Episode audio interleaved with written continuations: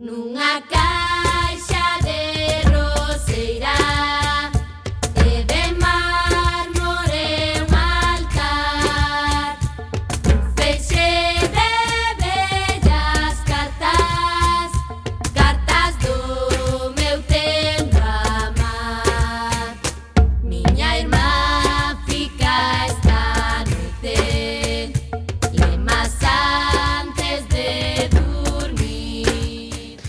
Ola, que tal? Moi boa tarde, recendeiras e recendeiros, benvidas e benvidos a este espazo radiofónico semanal dedicado á cultura que facemos en rigurosísimo directo todos os martes ás 7 da tarde aquí, en Coac FM a 103.4, xa sabedes, a Radio Comunitaria da Coruña. Música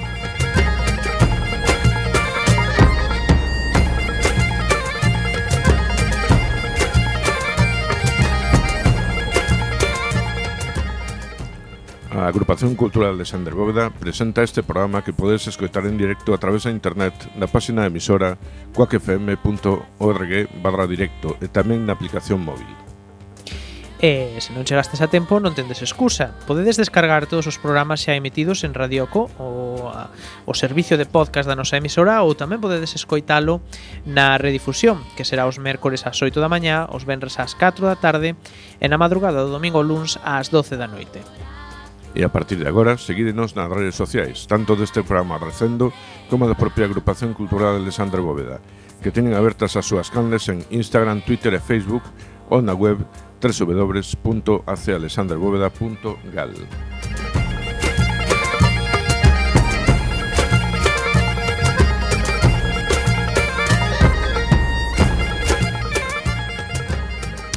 Pois, a máis imos caraló, como sempre, na procura desta fantástica aventura cultural e hoxe estamos aquí nos estudios de Coaque FM da Zapateira Roberto Catoira os mandos técnicos e tamén diante do micrófono Roberto Catoira perfectamente acompañado por Miguel Anxo Facal.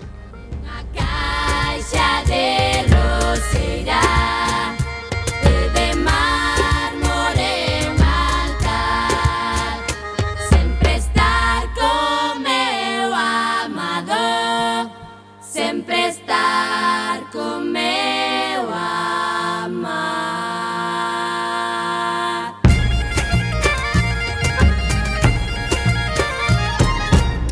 Pois este é o programa número 428. Hoxe teremos connosco a, Rui, a Rocío Cadaía, que xa está aquí connosco nos estudios tamén, presidenta da Gareso, antes coñecida como a Asociación Galega de Reporteiros Solidarios, pero que agora prefiren denominarse a Asociación Galega de Comunicación para o Cambio Social. Sabe, se queredes saber por qué, a, ah, pois tendes que esperar a entrevista. Hoxe tamén, ademais, teremos eh, a sección de teatro a cargo de Manuel Xestoso. Ademais, falaremos das actividades da nosa agrupación e das outras cosas que se fan na Coruña e na Galiza e que tamén son cultura. En canto a música de hoxe, en recendo gustanos bastante un cantautor chamado Roberto Sobrado, que acostuma a tocar acompañado da súa banda. O seu primeiro disco de longo duración é do ano 2005 e situouse, eh, titulouse Agasallos en promesas. Presentamos a primeira peza de hoxe titulada Templos modernos.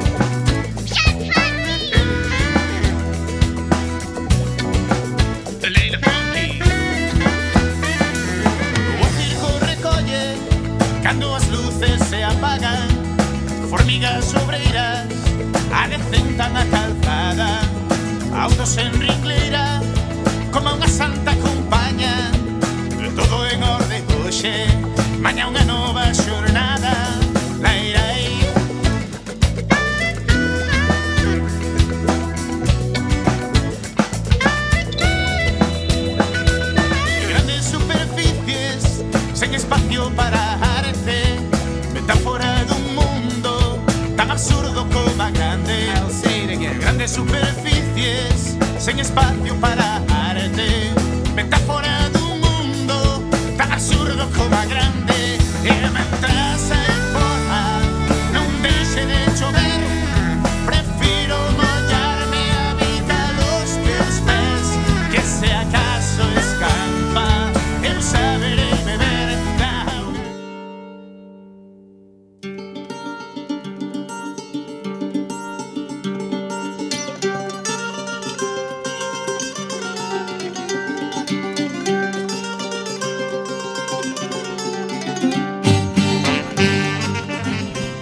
Pois imos a loco a xenda cultural semanal que vos tremos todos os martes. Comezamos pola xenda da nosa asociación e polo mércores 15, porque imos presentar o libro Manar de Lino Braxe, que quere render homenaxe ao dramaturgo recuperando para a súa edición e representación o monólogo dramático que nos invita a penetrar no exilio nun campo de refugiados. Nesta presentación intervirán Alexandrina Fernández Otero, Sabela Hermida, Luma Gómez e Manuela Varela. As persoas asistentes a esta presentación levarán un asallo, un de agasallo, un exemplar da publicación. Será a sete media no noso local.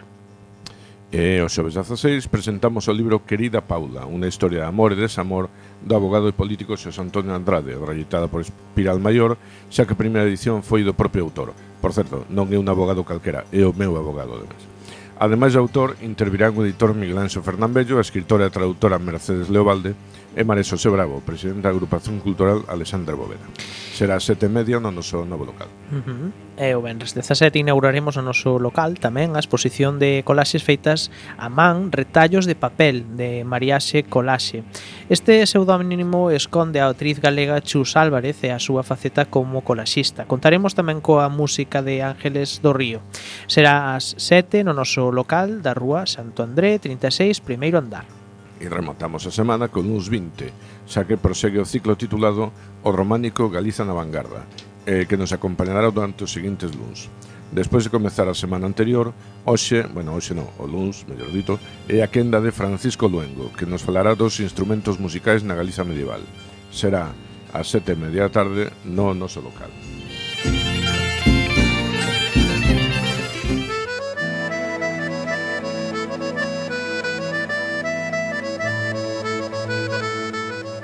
Tempo agora en recendo para falar da Xenda Cultural da Coruña e comezamos como sempre polo eido audiovisual porque o máis destacado claramente é a Semana do Cinema Galego no Teatro Colón con entidade con entradas ademais de balde ata completar a foro. O martes 14 ás 8 poderedes ver Código Emperador. O mércores 15, tamén ás 8, María Casares, a muller que viviu mil vidas. En canto aos xoves 16, ás 8 da tarde proxectan Onde máis doe e ás 10 da noite O home o can. O Benres 17 ás 8 a Foreign Song. E tamén o Benres 17 ás 10 Non Somos Nada. En canto ao sábado 18 ás 6 e media da tarde Live is Life e ás 10 da noite o Corpo Aberto. E remata o domingo 19 ás 11 e media mañá con Valentina, a película infantil de debuxos. Hmm. Imos agora a outra sala do Cegai porque durante este mes de marzo veránse principalmente fitas dirixidas por mulleres. Por exemplo, esta semana eh, temos obras de, da húngara Marta Mersaros ou no ciclo Olladas de Muller, obras de Rosario Sarmiento, Irene Borrego, Adriana Páramo, Susana Nobre, Diana Taucedo ou Aranchas Sanse, Santes Bastán, Sante Batán. Consultade a súa web ou na súa web o programa porque é moi variado. E rematamos con os cines do Foro Metropolitano. Esta semana podes ver Mantícora, do singular director madrileño Carlos Bermut, e Para Chiara, do francés Jonas Carpiñano. Será do xoves 16 ao sábado 18 nos horarios habituais destas salas. Música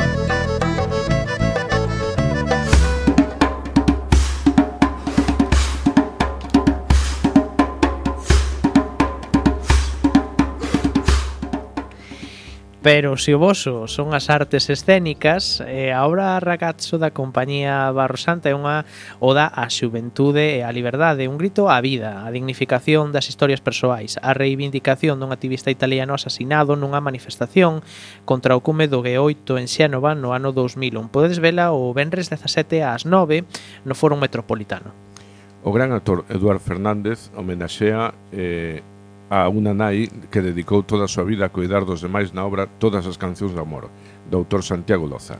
Podedes velo vendres 17, sábado 18, ás 8 da tarde, ás 8 e media, perdón, no Teatro Rosalía de Castro. E Leira Baleira é unha creación colectiva dirixida polo experimentado Ramiro Neira que confirma que o despoboamento é a antesala da desertización. Podes ver esta obra de amplo elenco o luns 20 ás 8 no Foro Metropolitano. Eh, as últimas recomendacións teatrais desta semana chegan dende o Teatro do Andamio. O sábado 18 ás 8 da tarde podedes asistir á obra Esas cosas maravillosas de empatía a teatro orientada a un público un pouco máis maior, non tan infantil como habitual nesta sala, e para a xente máis moza o domingo 19 ás 12:30 e ás 6 da tarde a compañía Xarope Tulú ofrece a súa obra Estrafalaria e dous apuntamentos en canto a música, porque chega a duodécima edición do Festival Infantil de Música e Baile Tradicional O Berce de Donaire, organizado por esta poderosa agrupación folclórica. Estarán acompañados por dúas asociacións amigas, Camiño Real de Poulo e con Cantigas e Flores. Será no auditorio do Centro Ágora o sábado 18 de marzo con pases ás 12:30 e ás 5:30. Esta vez a Orquestra Sinfónica de Galicia quere homenaxear a autores británicos tocando un programa con pezas de Walton, Britten e Elgar. O violín solista é de James Sands e o director é Juan Jomena. Será o vendres 17 ás 8 da tarde no Pazo da Ópera. E, por último, nesta parte da Xenda Coruñesa non podemos esquecer que neste mes eh, de marzo feminista no que nos atopamos, o Centro de Información ás Mulleres organiza un interesante ciclo de charlas que forma parte do ciclo 8M Pintamos e Moito. O mércores 15 a artista visual Yolanda Domínguez falará sobre a arte visual e os estereotipos de xénero. O venres 17 a xornalista deportiva Danae Borat, Boronat falará sobre o rol da muller no xornalismo deportivo. As dúas charlas serán no agora ás 7.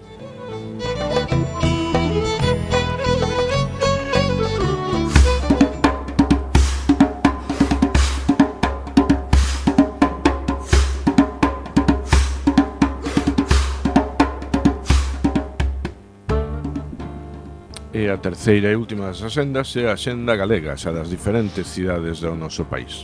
Comezamos con Ferrol. Señor Salvaxe é unha banda de Santiago de Compostela formada por Guillermo Vistoso, eh, na voz e na guitarra, Antón Torroncho no baixo e Emilio Iniesta na batería. A banda bebe de grupos como M-Clan, Los Cigarros, Revolver e o rock americano dos 70. E na súa xira para presentar o seu novo LP por todo o estado, tocan o sábado 18 ás 12 menos cuarto da madrugada na sala La Room. Tras a disolución da prometedora banda Familia, Santiago Araujo, o músico de Pontearías, reaparece máis intimista con Catedral, un EP de cinco cancións. Actúa o mércores 15 ás 8 e media na Casa do Saber, dentro do ciclo Lubicán Íntimo, en Lugo. Se baixamos cara ao sur e chegamos a Vigo, a cantante gala Zaz é unha das cantantes con máis tirón en Francia e en varios puntos de Europa. Chega a nosa terra co seu Organic Tour que a leva por Europa e Sudamérica. Actúa o domingo das 19 ás 8 e media da tarde no Auditorio Mar de Vigo. Claudia Abril, voz, eh, perdón, San Patricio é o patrón de Irlanda, pero a súa festividade cada vez ten máis éxito en Galicia. Tanto é así que na Boa Vila, Pontevedra, celebran o décimo Festival Galaico Irlandés de San Patricio, que vai dende o xoves 16 ata o domingo 19. Haberá unhas xornadas gastoirlandesas, ollo aí, un partido de rugby e concertos variados. Ide a Pontevedra como moi ben anunciaba Miguel Anxo para Santiago, Claudia Abril na voz e na percusión, Marina Carpente no violín e na voz e Antón Lago na guitarra e tamén na voz, porque aquí canta todo o mundo, son as integrantes de Abril, un proxecto musical no que se mesturan música de raíz galega e ibérica con outros xéneros.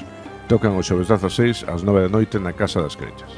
Mm. Esta semana tocaba mindar o Chimpa Ourense, ah, sí, sí Órbita é un espectáculo de danza que é pura poesía en movimento. Interpretano Carlos López e Noemí Pareja, dous artistas polifacéticos que usan diferentes linguaxes contemporáneos de movimento, elementos de circo e música en vivo. Podedes velos o sábado 18 ás 8 no Teatro Principal. Normalmente rematamos a Senda Galega con unha vila convidada, unha vila máis pequena onde hai algo interesante. Pero esta vez temos un espectáculo convidado porque a compañía catalá Xirriquiteula Teatre segue coa xira de Laica, onde contan a vida da famosa cadela espacial soviética. Actúan o sábado 18 ás 5 e media da tarde no Auditorio Municipal de Goián en Tomino. E tamén o fan o domingo 19 ás 6 da tarde no Auditorio Municipal da Xuventude en Cambados.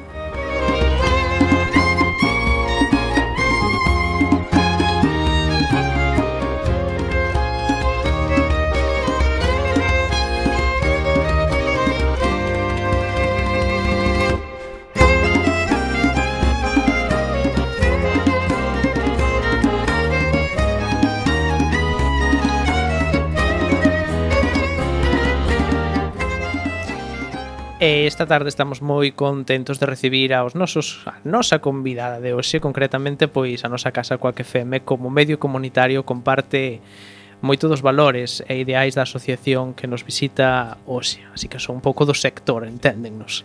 No programa de hoxe teremos a oportunidade de falar con Agareso, a Asociación Galega de Comunicación para o Cambio Social. Agareso foi creada en maio de 2008 por diferentes profesionais do mundo da comunicación co obxectivo de tentar facer un mundo máis xusto para todas. A ferramenta que Agareso decide empregar para tan nobre obxectivo non é outro que o da comunicación, O emprego da comunicación vai dirixido ao empoderamento dos individuos, á defensa dos dereitos humanos e ao desenvolvemento dos povos, así como para pôr remedio ás causas estructurais responsáveis da pobreza. Do mesmo xeito, tratan de crear unha sociedade máis crítica e capacitada para loitar contra a desigualdade global. Agareso pone en marcha e participa en moitos proxectos. Algúns deles están destinados ao fortalecemento dos medios comunitarios existentes en países empobrecidos, así como a formación de redes de comunicación local que poden chegar a ter impacto social e político. O seu traballo tamén vai enfocado á educación para o cambio social, tanto na execución de proxectos e o seu deseño para que mediante o emprego das ferramentas da comunicación poidan lograr os seus objetivos. É necesario destacar o seu traballo cos colectivos menos favorecidos, aos que queren dotar das habilidades de comunicación necesarias para cadar o seu empoderamento. Hmm. Agar iso fai fincape na necesidade da solidaridade para acadar un mundo máis xusto. A súa concepción da solidaridade incide na responsabilidade compartida na loita por un mundo máis xusto. Así que queremos saber máis, e máis preámbulos damos a benvida a estes estudios de Quack FM que xa coñece ademais, porque antes estivemos comentando, a súa presidenta Rocío Cadaía. Hola, Rocío. Hola, que tal? Que tal? Que como senta volver a Quack FM? Pois sempre un gusto, porque como decías ti, estamos aí, compartimos moitos ideais e moitos valores, entonces parece Estamos casi en familia. Maravilla. Eu creo que sí. bueno, nós queremos saber hoxe, porque os protagonistas hoxe so de Xente de Agareso, así que queremos empezar sabendo pois como se orde a idea de crear unha asociación con todas estas cosas que acabamos de decir de Agareso, pois unha asociación como Agareso. Bueno, pois realmente unha asociación como Agareso é unha cousa un pouco rara, non? Non rara porque non sexa necesaria, senón rara porque existen poucas. De feito, aquí en Galicia somos as únicas e, e pensa, en, en España hai compañeiras como a nós, pero non hai tantas. Coñecemos algunha experiencia en Extremadura, en Cataluña, en Andalucía, pero tampouco hai tanta xente que pensase que a comunicación era importante para cambiar o mundo, non? Mm. Entón, eh, esta foi un pouco a idea de partida. Éramos profesionais do mundo da comunicación que nos gusta o noso traballo. E cando falo de mundo da comunicación, falo de xornalistas, de xente do audiovisual, de xente do deseño, Eh, eu son publicista, por exemplo, non? Eh, bueno, publicista, licenciada en publicidade, publicista non son. eh, pero que, que claro, cando estábamos estudiando víamos que se, se tiñas como se, que se gustaba a comunicación, pero tiñas interés no eido social, hmm. non había camiño para ti. Parecía que, que, que non existía nada, non? Entonces, un pouco con esta idea de que realmente as ferramentas comunicativas son ferramentas e se poden utilizar no bo senso ou no mal senso, que é o que estamos afeitos a ver, desgraciadamente, non? E dixemos, pois é que realmente estas ferramentas son moi potentes para poder cambiar as cousas, non? Eh, as radios comunitarias están prohibidas en moitos países do mundo porque son moi potentes para cambiar as cousas. De feito, aquí tampouco é que teña moita, moito apoio non institucional porque son comprometidas e, e, e, e potentes. Mm. Entonces, bueno, pois eh, considerábamos que, que xa que isto non podía ser así, entonces nese día eh, o noso expresidente Juan de Sola eh, fundou, fundou a Gareso cun, cun grupo de, de voluntarios e voluntarias ao principio que, que empezaron a, a traballar neste sentido. Despois, pois xa levamos 15 anos, entón, bueno, pois a asociación xa está moito máis profesionalizada, xa non solamente hai voluntarios, senón tamén personal contratado, e, bueno, pois na loita seguimos así, mm. parecido a vos. Bueno, eh, xa verá a nosa audiencia porque te convidamos, non? Que dixetes que as radios comunitarias son moi importantes, entón xa... Por suposto, por suposto.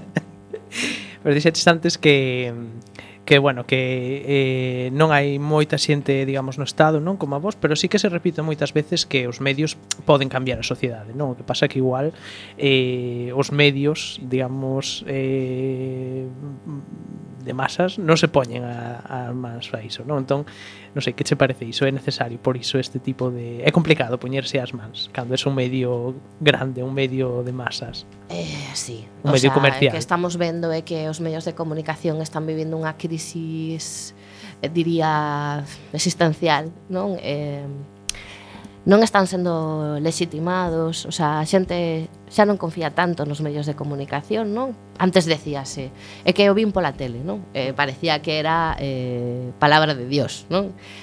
Agora pasa un pouco tamén, pero hai nesta época da posverdade, non, que parece que nada é certo e que todo é certo, con nacemento tamén das redes sociais que pon todo un pouco estos medios que agora son híbridos, que están nas redes, que están tamén eh, faino todo máis complicado, pero de feito creo que eles non os medios de comunicación más media, tradicionais, etc., non están dando a talla. É o que mm. pensamos, non? O sea, eles poderían ter grandísima mm, poderían facer un grandísimo traballo na sensibilización, na visibilización de determinadas realidades e no cambio social, pero non o están facendo. Eh, ni sequera en dos medios públicos, non? Que aí sí que deberíamos incidir máis porque se pagan cos nosos impostos, están máis preocupados pola audiencia que por dar un contido de calidade, non? Un contido máis que de calidade, que tamén por suposto un contido que que signifique algo, que poda cambiar as cousas. Mm están como metidos tamén, non? No, no redil do, da audiencia, de, dos likes, dos followers e tal, e, porque non é o vosso papel.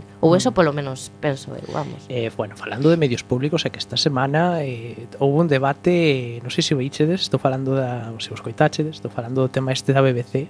Ay, Sabes no sé. que hai un, eh, un presentador dedicado aos deportes ah, sí, sí, sí, que, vi, que sí, sí. puxo, eh, bueno, contestoulle a, a, a unha eh, representante política do, do Reino Unido, non? Polas, pola política que está tendo ese país con respecto aos refugiados, non?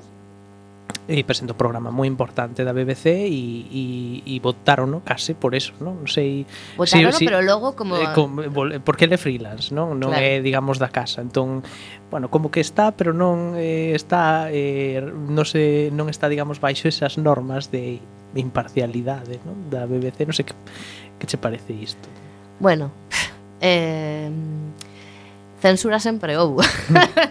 o sea, quero dicir, pareceme increíble. O que me parece tamén moi mm, así ilustrativo é que despois de que os seus compañeiros tampouco seguín moito caso, eh? O sea, veixo pouco a televisión, pero sí que vin outro día no telediario que despois de que os compañeiros o apoyasen, non e dixesen que non lles parecía ben, volveron a, a reabsorber, sí, non? Volveron a, a BBC como que se asustou un Como pouco, se asustou ¿no? pola reacción, non? E creo que o aprendizaxe está aí.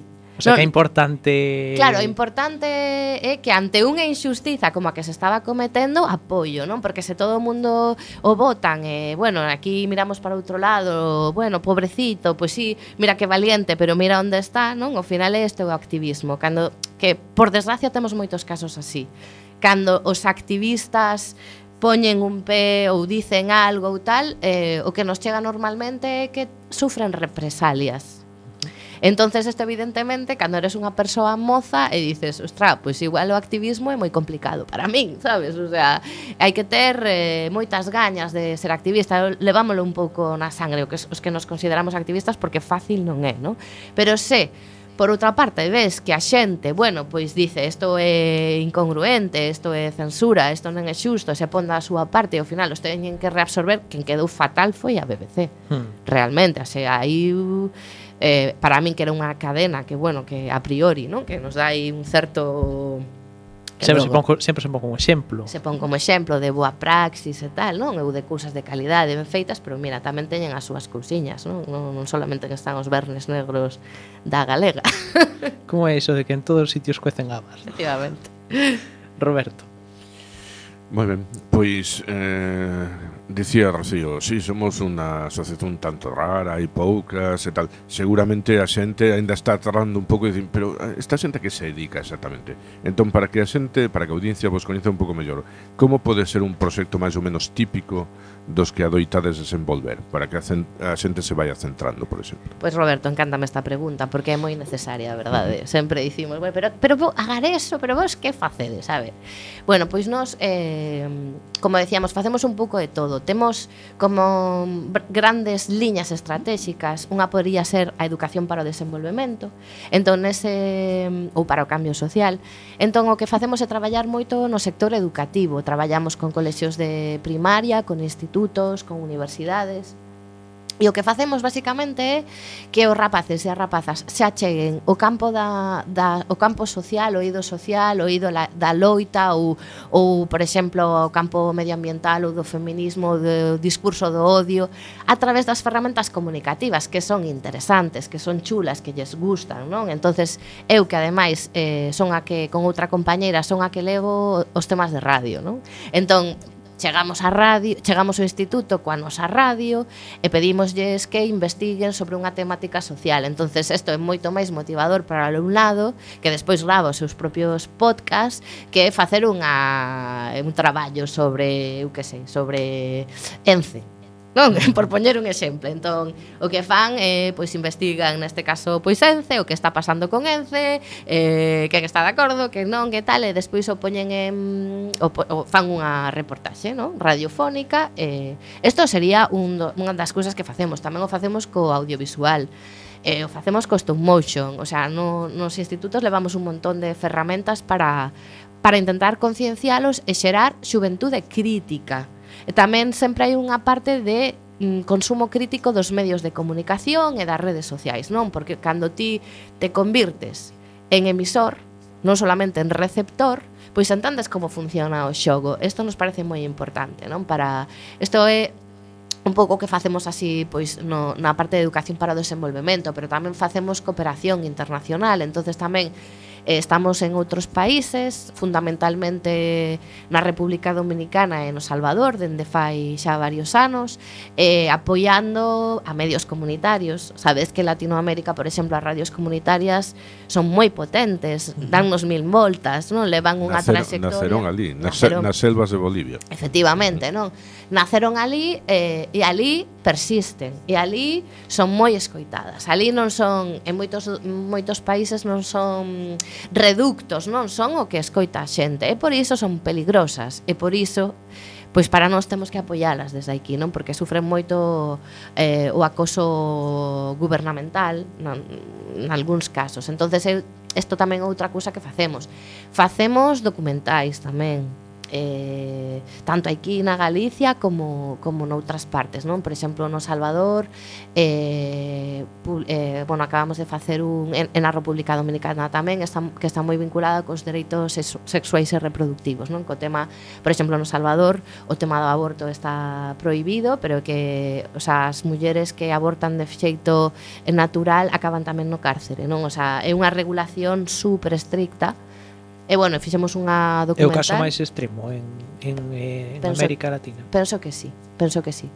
Eh, non sei se hai outros países parecidos, pero dende logo no Salvador é unha cousa increíble, non? Que con as testemunhas de mulleres que eh, de feito eh, bueno, a, esta lei está intentando mudar, non? Entonces é importante este documental porque nos sirve para facer incidencia política ali tamén, non?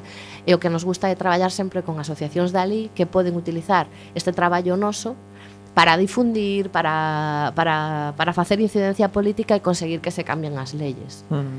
eh, bueno, esta sería un pouco a liña, facemos tamén proxectos de sensibilización aquí en Galicia, eh, eh, incidencia política tamén. No, no, non fai falta que contestes a todas as preguntas, no, temos un cuestionario moi denso. Non te como, como se fose pouca cousa. Mm.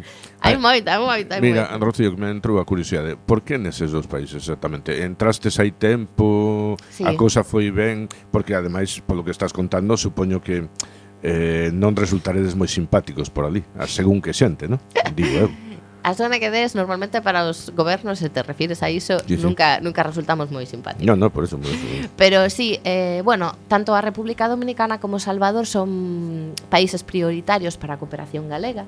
Ah. Entonces, isto por unha parte, non? Porque estes proxectos están financiados pola cooperación galega, eh, pero eh, tamén, bueno, eh, si sí, foron empezamos da man de outra ONGD que se chama, que se chama Asamblea de Cooperación pola Paz, eles traballaban ali, Entonces, bueno, chegamos ali realmente e eh, elevamos moitos anos traballando nestes dous países. Estamos empezando a traballar en outros tamén da man de outras ONGs galegas, por exemplo, en Guatemala, que fomos xa varias veces con arquitecturas en fronteiras. Ah, sí. Eh, uh -huh. bueno, pois pues aí abrindo abrindo camiños tamén. Moi ben. Unha última pregunta sobre isto que están falando agora. Eh, neses proxectos sodes vos os que dades o primeiro paso normalmente ou vos chegan propostas e vos unides? Eh, depende. Eh, realmente, por exemplo, nestes países como, como xa temos aí unha certa uh -huh. trayectoria, sí que nos chegan propostas xa, uh -huh. non? Sí que eh, pois, pero bueno, sempre eh, fai falla como unha identificación que chamamos así en terminoloxía un pouco enejera eh, pois saber quen, quen é a ONGD que te está propoñendo, quen é a asociación que liña teñen, porque é importante que segan unha liña estratégica parecida a túa, non? Que ao final nos entendamos porque, bueno, eh, estas cosas poden, poden non pasar, non? E ao final, se chegamos a un acordo, se vemos que temos unha liña estratégica similar, cuns obxectivos parecidos, pois pois pa diante. Uh -huh. eh, estamos en Recendo da Coac FM falando con Rocío Cadaía, que é a presidenta da Gareso, que antes mencionou eh, o potencial que ten xa non só a radio, tamén o audiovisual, non? Dar tele, facer eh, documentais, eh, pois cos rapaces e rapazas, non? Eh, e como pode axudar eh, a formación pois neste tipo de habilidades comunicativas, eh, a un empoderamento pois, dos, dos nenos, das nenas, eh, de comunidades? Bueno, a ver, os do, o, o tema do, do, de xerar eh, pensamento crítico, en calquera, bueno, nos mozos e nas mozas é fundamental, pero tamén igual en nós, as persoas adultas, non nunca está de máis que, que nos paremos ás veces a, pen, a pensar un pouco, porque realmente non nos damos conta, pero o mundo comunicativo está eh, por todas partes. O sea, mm. temos un teléfono todo rato na man, aí nos está chegando impactos publicitarios, estános vallas cando salimos á rúa, eh, estamos todo o rato recibindo eh, impactos, non? É importante que nos alfabeticemos mm. eh, neste sentido. E non, é unha materia pendente do sistema educativo totalmente, actualmente. Totalmente, que totalmente non se está facendo. E, e como, eh, como non? Se estamos mm, non sei cantas horas o día co teléfono móvil, pero moitísima, a xente nova igual. É como que estamos dando aos mozos e as mozas unha ferramenta que é a hostia, por dicirlo de algún xeito, non? En plan, que é realmente super importante, super potente, que tes a información do mundo, pero sen as habilidades para poder manexala. entonces é como como ver porno para aprender de sexualidade, non? Mm. Que ah. isto é outro dos, dos temas que se está falando, pero un pouco mesmo, o sea, estamos dando unha bomba de reloxería que están utilizando moi ben partidos de extrema dereita por outra parte, non? Mm que están chegando moi ben á xuventude porque non estamos sabendo poñer filtros para que non o fagan. Están utilizando os memes, están utilizando o humor, están utilizando unhas, unha linguaxe super sencilla que chega moi ben a xente nova e se ti non tes un filtro, mm tragas con todo. E o problema é que estamos vendo un discurso de odio cara ao colectivo migrante, cara ás persoas racializadas, cara ao colectivo LGTBI, non, todo este discurso da extrema dereita eh, discursos anti, estános comprando moita mocidade, en parte por isto, mm. porque non hai ese pensamento crítico. Eh, xa o teño visto tamén nas redes, non? E cando comentan mestres e mestras que se ve moi claramente como a xente nova, os rapaces e rapazas nas aulas reproducen este tipo de mensaxes, non? Vos tamén o percibides cando ides facer este tipo de cursos? E como afrontades este, eh, por exemplo, explicarlles, non? Eh, pois o poder das redes e como combatir as fake news, por exemplo, e este tipo de discursos. Sí, tamén. claro. Sí, é unha parte importante do noso traballo, non? Eh, o principio é, o principal é que teñan información, que entendan como funcionan as redes sociais, que entendan que son negocios, que entendan que hai un algoritmo que vive de dos likes, que que ese algoritmo cada vez por un tema económico é máis racista, é máis sexista. Uh -huh. Non, entonces, o primeiro é explicarlles isto, que parece que é algo que, que está aí, que todo o mundo sabe, pero non todo o mundo sabe, non realmente é algo que, que temos na nosa cotidianidade, pero que non paramos a reflexionar en torno a isto, non? É dicir, por que cada vez hai máis discurso de odio? Porque se sabe, non? Que o discurso de odio dende ano 2018 duplicouse. Por que é isto? Bueno, fai, e por moitas cousas, pero unha dos motivos é por este algoritmo famoso da, das redes sociais, non? Entón, explicarlles E que pasa cando recibimos este discurso de odio?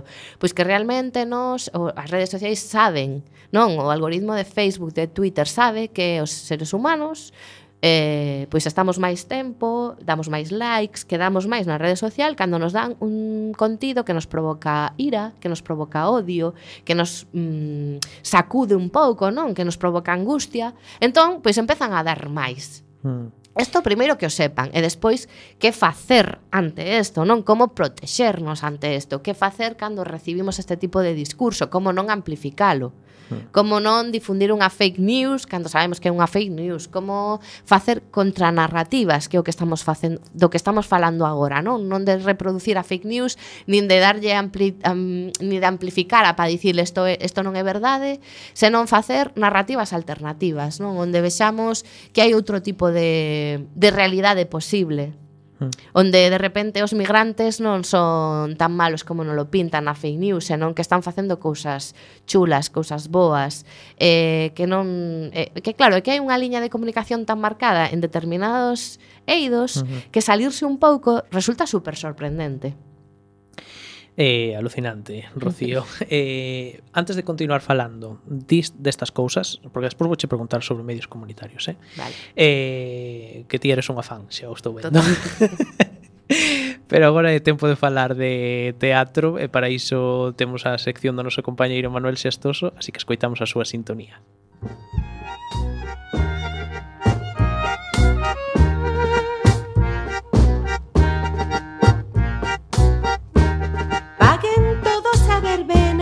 de onde nunca pasa nada. Pois saudamos a Manuel Sestoso que está ao outro lado do teléfono. Boa tarde, Manuel. Hola, que tal? Boa tarde. Aquí estamos falando de comunicación, de medios comunitarios e outra forma de comunicación tamén é o teatro, non? Que nos contas? Mm, pois contovos que algo de relación ten todo isto, porque co, co que estaba desfalando anteriormente dos discursos de odio nas redes. Eh, quería falar dunha obra de teatro que se ven de estrear agora, eh, que fala da economía como cortada para a expoliación, que fala da devastación do medio natural, que fala da corrupción política, que fala da manipulación xornalística, e que fala da primacía das opinións desinformadas sobre o coñecemento científico. Eh, contra todo pronóstico, esta é unha obra que se escribiu hai 140 anos, eh, adaptación que fixo Talía Teatro de un inimigo do povo, que aquí convertese en unha inimiga do povo. O personaxe principal, eh, que na original de Ibsen era un doutor dunha certa idade, está aquí representado por unha muller que ademais está embarazada A historia máis ou menos é coñecida, unha médica descubre que as augas do balneario de traballa están contaminadas, explica ao alcalde para que tome medidas, pero este fai contas, eh, que para tomar medidas habería que pechar o balneario, que valerar o orzamento municipal para amañar o problema, que enfrontarse unha crise económica, en consecuencia perder as eleccións, así que decide tirar para adiante a doutora mm, digamos que recorre a, ao jornalismo, a unha radio local, pero os jornalistas que en principio están moi a favor eh, da súa causa eh, son ameazados polo polo polos empresarios que son os que coa publicidade manteñen a emisora. E a partir de aí, pois, dáse unha loita na que, eh, bueno, fais unha pregunta de que serve ter a razón cando non se ten o poder. Non? eh, hai unha escena moi boa que me estaba recordando eh, agora o que estaba dicindo a vosa invitada que é precisamente unha asamblea municipal no, do original de Ibsen é aquí sustituído por un programa de radio onde estamos vendo en directo as mensaxes que vai deixando a xente no Twitter. Eh, bueno eh, a montaxe de Talía mm, tira ese tipo de recursos para actualizar a peza sen desvirtuala para pensar a intacta crítica de Ibsen, a, as, man, as maiorías manipuladas, a calidade ética do sardanismo, a estreiteza de miras daqueles que só se preocupan polo beneficio inmediato sen preocuparse por ese futuro que representa esa muller embarazada. E, en todo caso, creo que hai unha das cousas que, que ten esta, esta estupenda uh, adaptación de Ibsen, que xa solo por iso paga a pena, eh, vela que que sino original eh, o, o protagonista o que defende eh, con razón que hai que parar todo aquilo porque vai envenenar o povo, eh, nel hai unha certa megalomanía. Eh, esta montaxe pon en evidencia unha cousa que esa megalomanía realmente non é obstinación, sino que é o espazo que, que reservado, o espazo reservado para que, que mantén a súa independencia fronte a un consenso inducido desde as engrenaxes de poder. Eu creo que nos está advertindo. Eh, a protagonista, digamos que para entendernos, sería unha das dos non. E, efectivamente, hai unha cousa que hai que ter en conta, que cando, cando te deslegitiman constantemente como interlocutor, eh, radicalizaste. Eh, bueno, eh, aí temos un problema social. Creo mm. que, que creo eh, que unha das mellores montaxes que se dieron de unhas mellores estreas desta temporada e, e recomendamos a todos que vaya a Isabela. Vaya, pois Manuel Xestoso, eh, a verdade é que esta recomendación vennos moi a caída para unha, o tempo que nos está tocando vivir e ademais para este programa que estamos falando de comunicación e de medios comunitarios, así que uh -huh. anotamos aí unha inimiga do povo de Talía Teatro. Unha inimiga do povo de Talía Teatro. Pois moitas gracias, Manuel. Grazas a vos. Ata a próxima, unha aperta. Uh, chao, unha aperta. E nos aquí xa vedes que estamos enfiando este programa, que nos está quedando un programa maravilloso. Redondo, este, redondo, redondo, vamos, eu quero ver a obra, pero xa.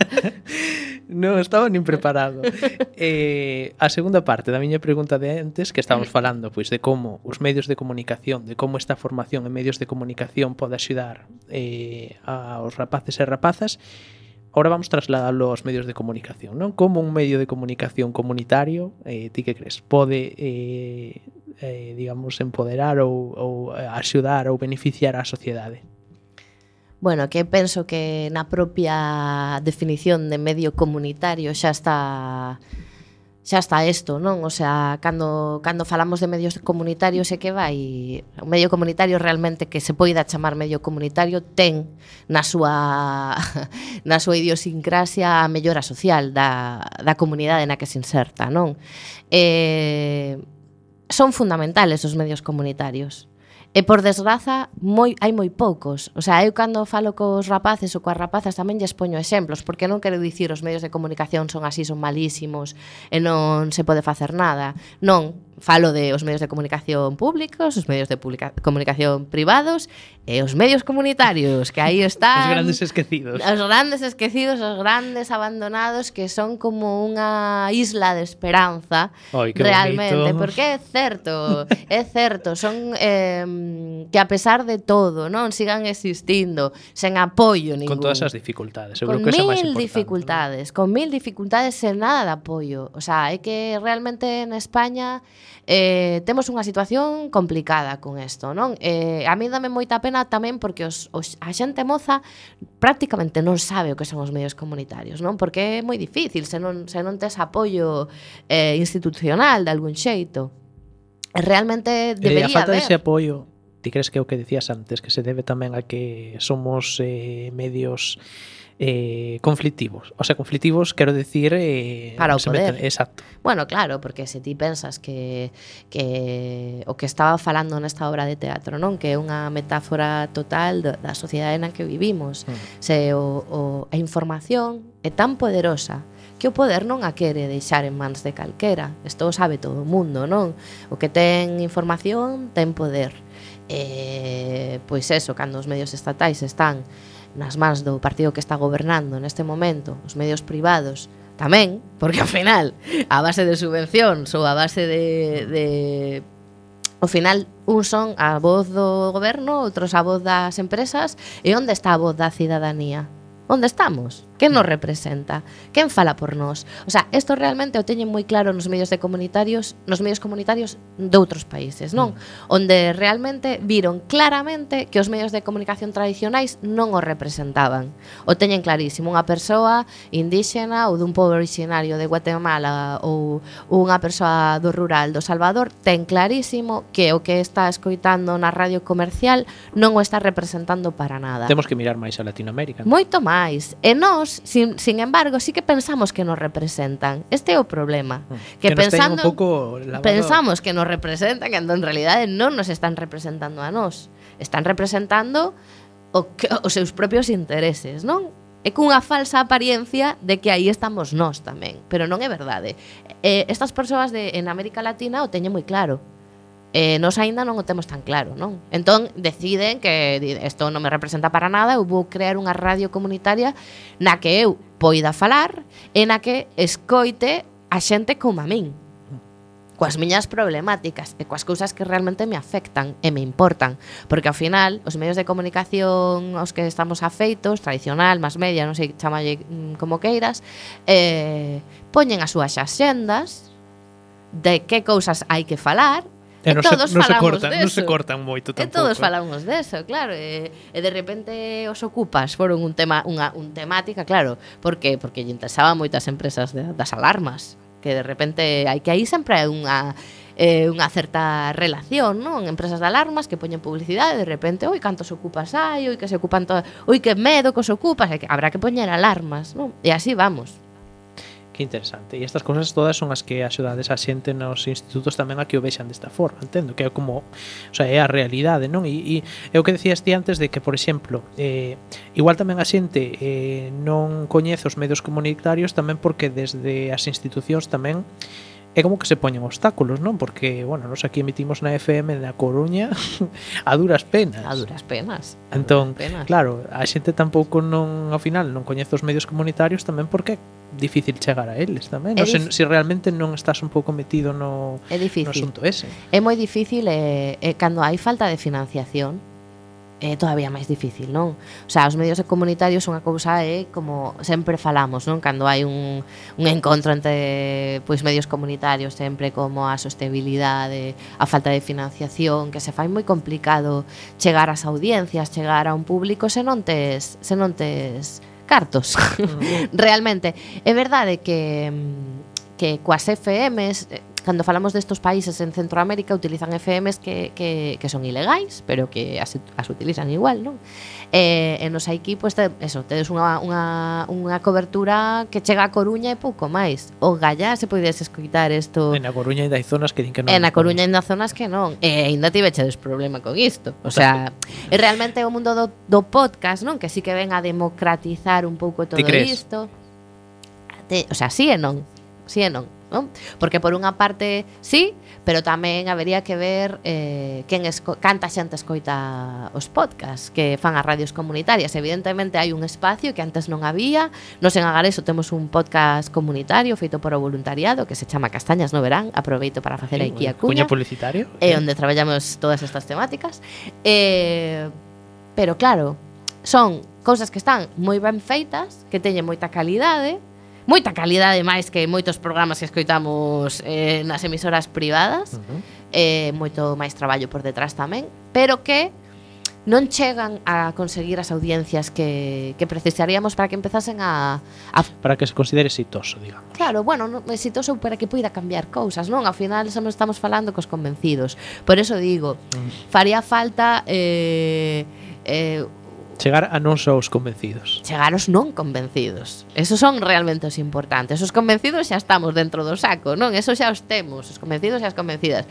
O ideal sería poder chegar a esta xente, que eso fai moito a radio, se tuviésemos unha, unha FM máis amplia e tal, sí que chegaríamos a onde está a señora que igual non sabe o que é unha radio comunitaria, pero de repente empeza a escoitar, ostra, pois este programa de recendo, pois mira que interesante, pois mira que tal, E se vai metendo en determinadas cuestións aí onde deberíamos estar. É que non somos o demo, tampouco non comemos a ninguén. Non comemos a ninguén, pero tú sabes que isto de antisistema é moi fácil de poñerse.